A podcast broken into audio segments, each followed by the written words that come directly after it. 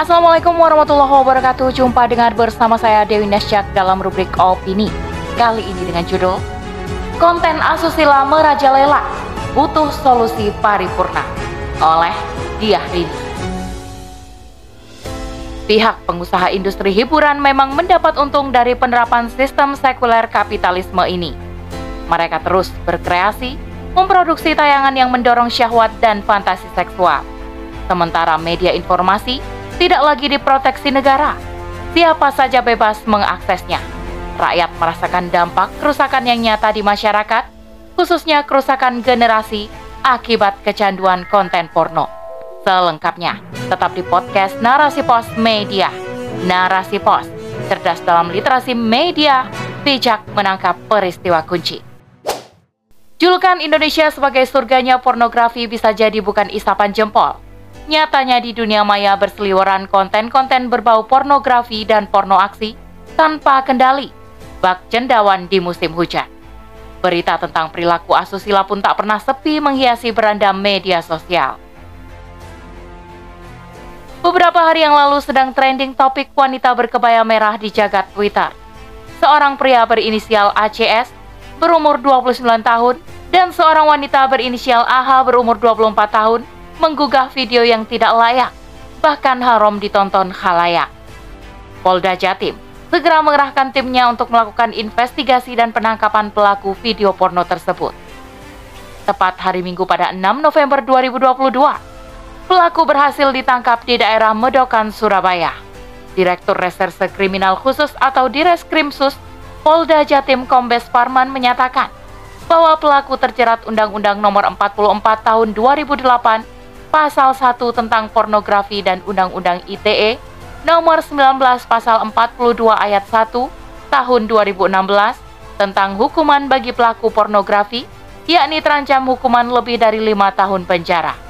Menurut Undang-Undang Nomor 44 Tahun 2008 Pasal 1 tentang pornografi tersebut, disebutkan bahwa setiap orang dilarang memproduksi, membuat, memperbanyak, menyebarluaskan hal-hal yang berbau pornografi, yaitu konten yang memuat persenggamaan, kekerasan seksual, onani atau masturbasi, ketelanjangan, alat kelamin, dan pornografi anak. Sementara, ancaman bagi pelaku pornografi menurut Undang-Undang Informasi dan Transaksi Elektronik atau ITE nomor 19 tahun 2016 pasal 45 ayat 1 akan dikenakan penjara paling lama 6 tahun dan denda paling banyak 1 miliar rupiah. Tampak jelas bahwa sanksi yang diperlakukan tidak menyentuh pada pokok permasalahan masyarakat. Negara hanya fokus pada fungsi kuratif saja. Sementara aspek preventif atau pencegahannya tidaklah berjalan. Tata pergaulan antara laki-laki dan wanita tidaklah diatur berdasarkan syariat Islam, tetapi berlandaskan sistem sekuler kapitalisme. Agama dipasung hanya untuk mengatur urusan ibadah saja. Sementara segi kehidupan yang lainnya manusia bebas membuat aturan sendiri. Kebebasan bertingkah laku yang menjadi turunan dari sistem sekuler kapitalisme telah menjadi gaya hidup masyarakat. Ditambah lagi negara abai menjaga akidah rakyat. Sebagai buktinya, beberapa waktu lalu secara resmi acara di TV yang dianggap mengandung muatan akidah yakni serial Nusa dan Rara dihentikan. Namun, acara yang mengundang kemaksiatan, kesyirikan dan kekerasan terus dipelihara. Begitu pula berbagai acara tablik dan dakwah acap kali dibubarkan dengan alasan memicu radikalisme, seperti pembatalan izin acara konser langit di Jember beberapa waktu yang lalu yang sedianya akan diisi oleh Ustadz Hanan Ataki. Sementara, konser-konser yang menggugah syahwat, memicu tawuran dan berkubang miras berjalan tanpa kendala.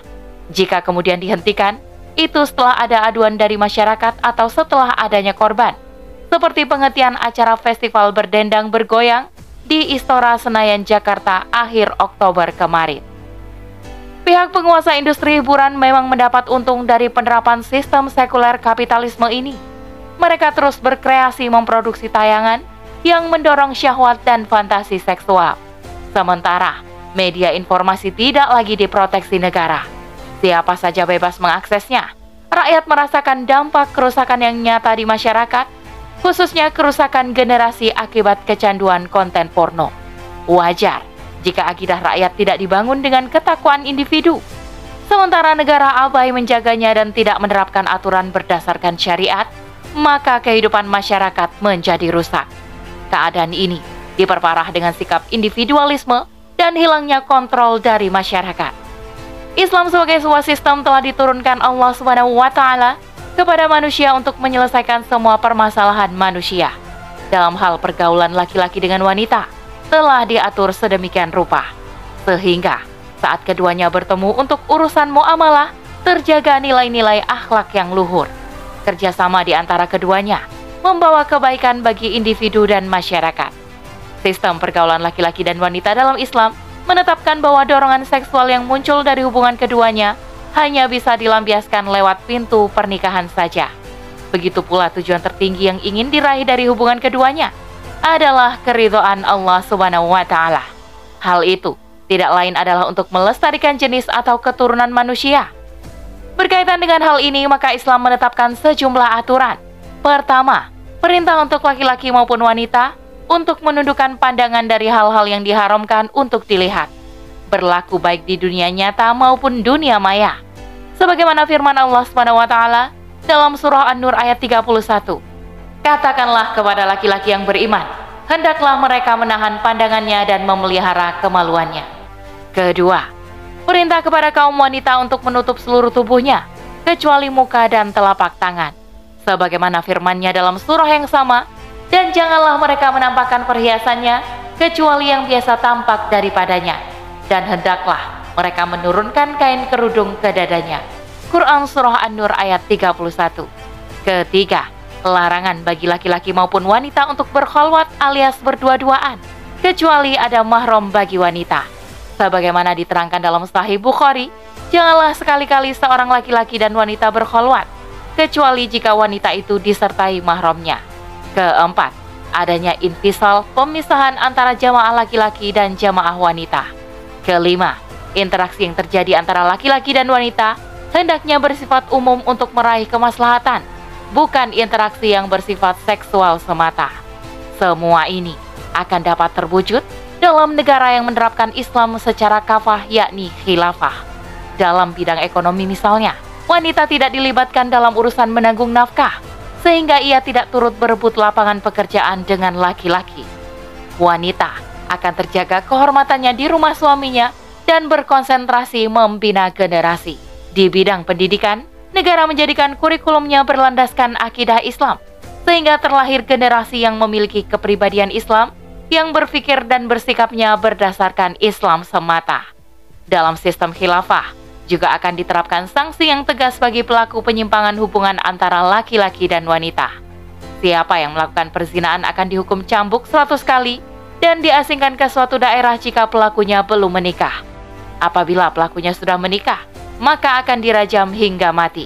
Sanksi ini akan efektif memberi efek jerah bagi pelaku maupun bagi masyarakat agar tidak terulang lagi. Sanksi ini pun berfungsi sebagai penebus dosa bagi pelaku di hadapan Allah Subhanahu wa taala sehingga di yaumil hisab tidak diazab lagi. Negara juga akan tegas melarang bisnis yang mengeksploitasi hal-hal yang membangkitkan dorongan seksual. Keuntungan yang didapatkan dianggap sebagai rezeki yang haram.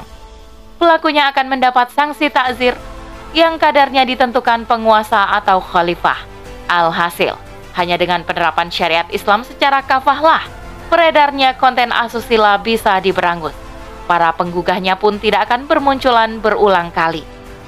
Maka, tidak perlu diragukan lagi penerapan aturan sang pemilik alam ini. Sistem hidup yang paripurna dari yang maha sempurna.